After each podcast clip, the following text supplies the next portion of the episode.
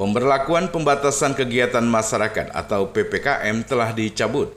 Gubernur Riau Samsuar meminta aparatur sipil negara di lingkungan Pemprov Riau untuk melengkapi vaksinasi tahap ketiga atau booster dan tetap mengikuti protokol kesehatan yang dianjurkan pemerintah. Imbauan ini disampaikan Gubernur Samsuar Senin pagi saat memimpin apel pagi di halaman kantor Gubernur Riau. Karena itu saya harapkan juga kepada saudara yang sekarang ini mungkin belum mendapatkan suntikan booster, harapan saya ini segera dilaksanakan karena boosternya salah satu juga bagaimana kita bisa menahan lajunya penularan COVID-19. Kita tahu saat ini juga ada varian baru yang sekarang terjadi penularan di Cina dan juga sudah terdapat juga di Indonesia. Walaupun gejalanya tidak berat, tapi kalau andai kata ada di antara orang tua kita yang kena atau mungkin ada penyakit-penyakit bawaan ini akan berpengaruh kepada penularan COVID-19 yang tidak kita harapkan yang bisa nanti menimbul, menimbulkan uh, peningkatan jumlah warga yang terkonfirmasi dengan positif ini. Karena itulah saya harapkan bagi saudara yang belum mendapatkan vaksin booster sebaiknya divaksin dan ini bisa dilaporkan melalui kepala OPD masing-masing kepada kepala dinas kesehatan agar nanti dilaksanakan suntikan massal terhadap para pegawai yang belum mendapatkan suntikan booster.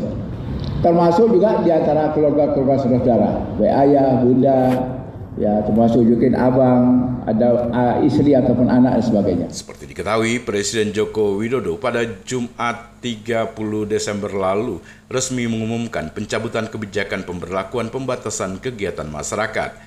Menindaklanjuti kebijakan itu, Menteri Dalam Negeri telah mengeluarkan Instruksi Menteri Dalam Negeri nomor 53 tahun 2022. Berdasarkan data dari Dinas Kesehatan Provinsi Riau, capaian vaksinasi sejak bulan Desember 2021 per 1 Desember 2021 dengan pencapaian 51 persen dan sampai 1 Januari 2023 capaian meningkat menjadi 87,93 persen.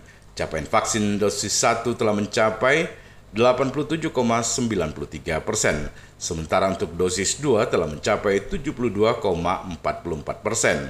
Sedangkan untuk vaksin lansia dosis 1 mencapai 78,90 persen Lalu untuk vaksin lansia dosis 2 baru mencapai 62,30 persen.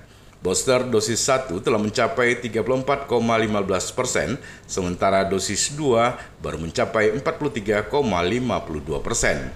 Sementara itu, saat ini juga terdapat varian COVID-19 yang baru, yaitu varian XBB, di mana sekarang terjadi penularan di Cina dan juga sudah terdapat di Indonesia. Prima Ermat, Tim Liputan Barabas melaporkan.